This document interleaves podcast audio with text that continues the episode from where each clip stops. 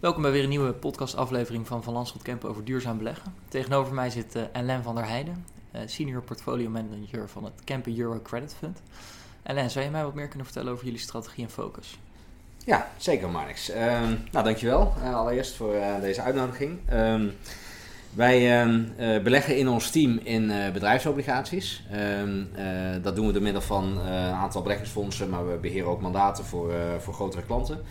Um, bedrijfsobligaties, dat zijn eigenlijk uh, schuldpapieren die zijn uitgegeven door bedrijven. bedrijven kunnen ervoor kiezen als ze geld willen ophalen om naar de bank te gaan om daar uh, leningen te krijgen. Maar ze kunnen ook naar de obligatiemarkt gaan om daar uh, leningen te krijgen. Dus wij verstrekken zeg maar feitelijk geld aan bedrijven als een vorm van lening waar zij dan vervolgens investeringen mee kunnen doen, overnames kunnen doen of kunnen gebruiken in de normale dagelijkse bedrijfsvoering. En uh, die obligaties zijn vervolgens ook gewoon verhandelbaar op de, op de markt. Uh, wat wij doen als team is uh, daar ook actief in handelen in die obligaties. Om daarmee wat, wat extra rendement op te leveren voor, voor beleggers. En dat doen wij door middel van, van beleggingsfondsen. Dus daar kunnen beleggers die daarin in willen beleggen, die kunnen daar door middel van onze beleggingsfondsen in beleggen in die markt. Oké. En houden jullie daar ook rekening met duurzaamheid? Jazeker. Uh, duurzaam is een heel uh, belangrijk element in onze beleggingsaanpak. Uh, dus wij integreren ESG eigenlijk volledig in onze aanpak. Dat doen we op basis van drie verschillende pijlers. Dat is uitsluiten, integreren en engagen.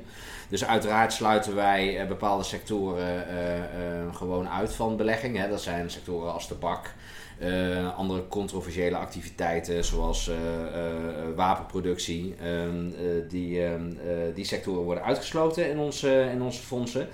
Maar ook bedrijven die tekortschieten op, op belangrijke ESG-criteria.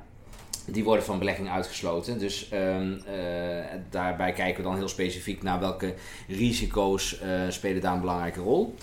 Ehm, en uh, daarnaast eigenlijk analyseren van alle bedrijven in ons universum uh, ook het uh, eh, ESG-profiel.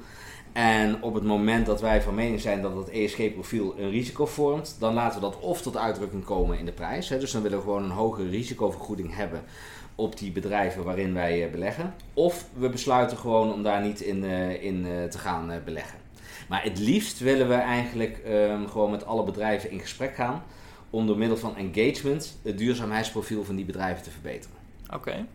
Ja, je noemt dan al even engagement. Heb je, heb je daar een mooi voorbeeld van, uh, van zo'n engagement traject? Uh, ja, zeker. Uh, kijk, we beperken onze engagements niet tot één bedrijf. dus wij doen over het algemeen engagements met meerdere bedrijven. Ehm, dus cases waar wij recentelijk of het afgelopen jaar mee bezig zijn geweest, zijn bijvoorbeeld bedrijven als Huntsman en, en Glencore. Dat is een chemical en een bedrijf in de, in de mining-industrie. Eh, maar ook bijvoorbeeld met het Tsjechische nutsbedrijf uh, Chess. En uh, Duitse automaker Volkswagen. Daarmee onderhouden we gewoon een hele actieve dialoog. Om daarmee het ESG-profiel van die bedrijven te verbeteren. Um, we hebben vorig jaar zijn we ook een engagement met Bayer gestart, bijvoorbeeld. maar daar hebben we na zes maanden besloten om, om die engagement te beëindigen. En de belangrijkste reden daarvoor was eigenlijk omdat er te weinig bereidheid was bij Bayer om echt serieus naar de ESG-issues te kijken en daar ook actie op eh, te ondernemen. Ja, en dan is ook de consequentie dat we op enig moment dan besluiten zo'n engagement te beëindigen. We merken dan dat we geen voortgang kunnen boeken in de richting die we op willen gaan. Uh, en dan is de consequentie ook dat uh, vanaf nu Bayer is uitgesloten van beleggingen in onze portefeuilles. Oké. En als je het nou over engagement hebt in uh, jullie uh, manier van beleggen, uh, jullie zijn natuurlijk geen aandeelhouder. Ehm, dus kun je dan wel echt invloed hebben? Ja, nou dat is een goede vraag, want die vraag die krijgen we vaak. En, en er wordt ook vaak eigenlijk gezegd dat je, dat je stemrecht moet hebben om echt veranderingen te kunnen realiseren bij een onderneming. En daar zit natuurlijk een bepaalde kern van waarheid in. Ehm, maar het is ook zo dat, uh, dat je als obligatiebelegger ook een hele grote en directe invloed kan hebben op een, op een onderneming. En dat, dat zit er eigenlijk in dat wij als obligatiehouder zorgen wij ervoor dat wij directe financiering verstrekken aan ondernemingen. En als de obligatiemarkt uh, terughoudend wordt in het verstrekken van een uh, dergelijke financiering, ja, dan heeft dat dus een directe impact op de mogelijkheid van een bedrijf om zijn bedrijfsvoering uh, te kunnen doen. Nou, dat geldt uh, zeker in het geval van, uh, van Volkswagen. Uh, dat is een bedrijf met een enorme schuldenberg, zo ongeveer 200 miljard. Dat komt deels voort uit hun industriële activiteiten, maar ook voor een belangrijk deel uit hun financieringstak. Want ze hebben feitelijk ook gewoon een bank naast hun bedrijf staan die voor al die autofinancieringen zorgt. En daarmee hebben we dus als obligatiebelegger een hele grote impact op zo'n onderneming. Nou, we zijn bij Volkswagen die engagement gestart in 2018. De belangrijkste reden daarvoor was uh, dieselschandaal. Uh, ja, nou dat is heel bekend natuurlijk. Ja, dat is heel bekend. dat kwam in 2015 kwam dat, aan het licht, september 2015. Dat was natuurlijk een enorme schok voor de markt. en daarin werd duidelijk dat eigenlijk Volkswagen bewust en op grote schaal de uitstoot van zijn dieselmotoren had gemanipuleerd. Om daarmee aan allerlei testen te kunnen voldoen. Nou, die manipulatie die vond met name plaats in testsituaties. Uh, grove fraude. In totaal zijn er iets van 11 miljoen auto's bij uh, betrokken, dus een enorme omvang. Uh, en um, een van de belangrijkste oorzaken van dat schandaal is wel de bedrijfscultuur bij, bij Volkswagen. en wij zijn dan ook in 2018 met Volkswagen in gesprek gegaan om meer bewustwording te creëren bij Volkswagen voor het belang dat wij hechten aan die cultuurverandering. En waarom vinden we dat zo belangrijk? Omdat wij denken dat wanneer de cultuur van die onderneming niet verandert, het risico dat een dergelijk schandaal in de toekomst nog eens een keer zou kunnen voortkomen, daarmee aanzienlijk, uh, aanzienlijk groter is. Nou, wat wij aan Volkswagen hebben gevraagd is dat wij daarvoor uh, duidelijke doelstellingen willen zien. Aan de hand waarvan wij ook dus kunnen beoordelen of uh, Volkswagen de gewenste veranderingen in die bedrijfscultuur laat zien. Want het is natuurlijk best wel lastig om dat ook zichtbaar te maken voor de buitenwereld. Van joh, dit zijn we aan het veranderen. Om ook te voorkomen dat we in de toekomst dit soort fouten opnieuw gaan maken. Nou, Um, daarnaast zijn we ook met de onderneming uh, in gesprek gegaan om hun uh, aan te spreken op de rol die zij hebben in het, hele klimaatdebat. Hè. Het is natuurlijk een autoproducent, auto's stoten CO2 uit. Het is natuurlijk ook een industriële onderneming, die stoot ook CO2 uit. En uh, uh, de doelstellingen zijn duidelijk om in 2050 uh, geen CO2-uitstoot meer te hebben. Nou ja, Volkswagen is daar natuurlijk een extreem belangrijke partij in die daar ook hun steen aan moet bijdragen. Dus ook daar spreken wij die onderneming op aan om daar de verantwoordelijkheid te pakken. En met concrete maatregelen te komen om aan die CO2-doelstellingen te voldoen. Nou, door daar dus heel frequent met het bedrijf over te spreken uh, en daarin ook actief en gezamenlijk met andere beleggers uh, op te trekken, uh, zijn we van mening dat er ook grote vooruitgang geboekt wordt bij Volkswagen. En met name ook in de afgelopen twee jaar hebben ze daar enorme stappen gezet. Ja, want kun je eens wat concrete eh, voorbeelden van resultaten noemen die jullie dan ook bereikt hebben daarmee?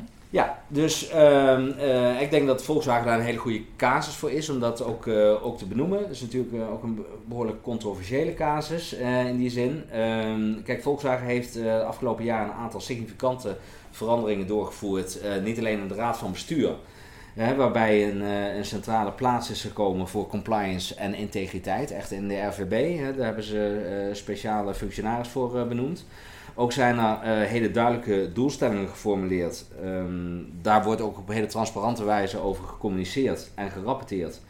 Um, um, waarbij cultuurverandering een enorm hoge prioriteit heeft en eigenlijk in alle lagen van de organisatie dat ook wordt, wordt doorgevoerd. Nou, dat moet er uiteindelijk ook in resulteren dat er meer betrokkenheid komt van alle werknemers daarvoor, meer invloed, meer ruimte voor feedback in de organisatie. Wat natuurlijk een hele belangrijke pilaar is onder die organisatorische verandering. Um, wat ook enorm belangrijk is, en, en ik denk dat dat het meest zichtbaar is voor mensen ook in de, in de buitenwereld, is dat Volkswagen in de afgelopen twee jaar eigenlijk verworden is tot de autofabrikant met de meest ambitieuze doelstellingen op het uh, gebied van elektrische auto's en CO2-reducties. Ze hebben daar ook een enorm budget um, voor gereserveerd om die ontwikkeling verder vorm te geven.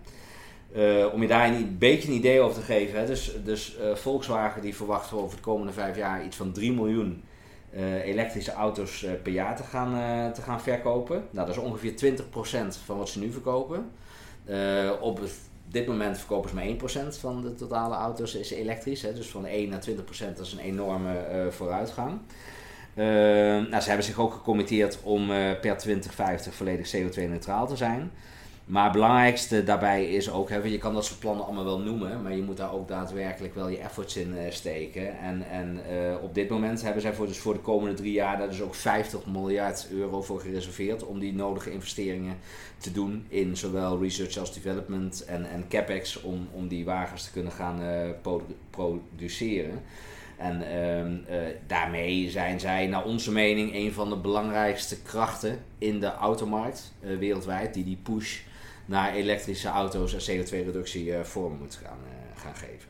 Dus hè, verschillende vlakken, dus zowel cultuur als klimaat maken ze naar onze mening een hele goede stappen. Ja, dus eigenlijk vanuit een enorm schandaal is er toch wel een behoorlijke draai. Ja, dus, uh, dus, ze zeggen wel eens van uh, never waste a good crisis. Uh, nou, ik denk dat dat in dit geval wel aan de orde is. Dus dat die crisis is aangepakt om daarmee ook echt serieuze veranderingen door te gaan voeren. Oké. En is het traject daarmee ook afgerond inmiddels? nee, dat nog niet. Hè. Kijk, wij nemen onze verantwoordelijkheid daarin natuurlijk wel serieus. En, en, we blijven dus ook in gesprek met Volkswagen. Dus deze stappen die ze nu zetten, die juichen we toe. Daar zijn we ook ontzettend enthousiast over. Hè. Dat gaat absoluut in de goede richting. Maar het proces van cultuurverandering is natuurlijk wel iets wat meerdere jaren in beslag neemt. Dus uh, we blijven daarom ook actief die dialoog voeren met het uh, bedrijf. En we blijven het bedrijf ook monitoren op dat, uh, op dat vlak, zodat we daar goed vinger aan de pols houden. En een goed idee blijven houden in, gaat het de juiste kant op? gaan ze door met die ontwikkeling? blijven ze consistent bezig om die programma's te implementeren? En leidt het dan uiteindelijk ook tot het, tot het einddoel dat daar een onderneming staat met, met een betere, meer open cultuur, die ook klaar is voor de toekomst. Oké, dank voor je tijd, Ellen. Nou, graag gedaan. Ja.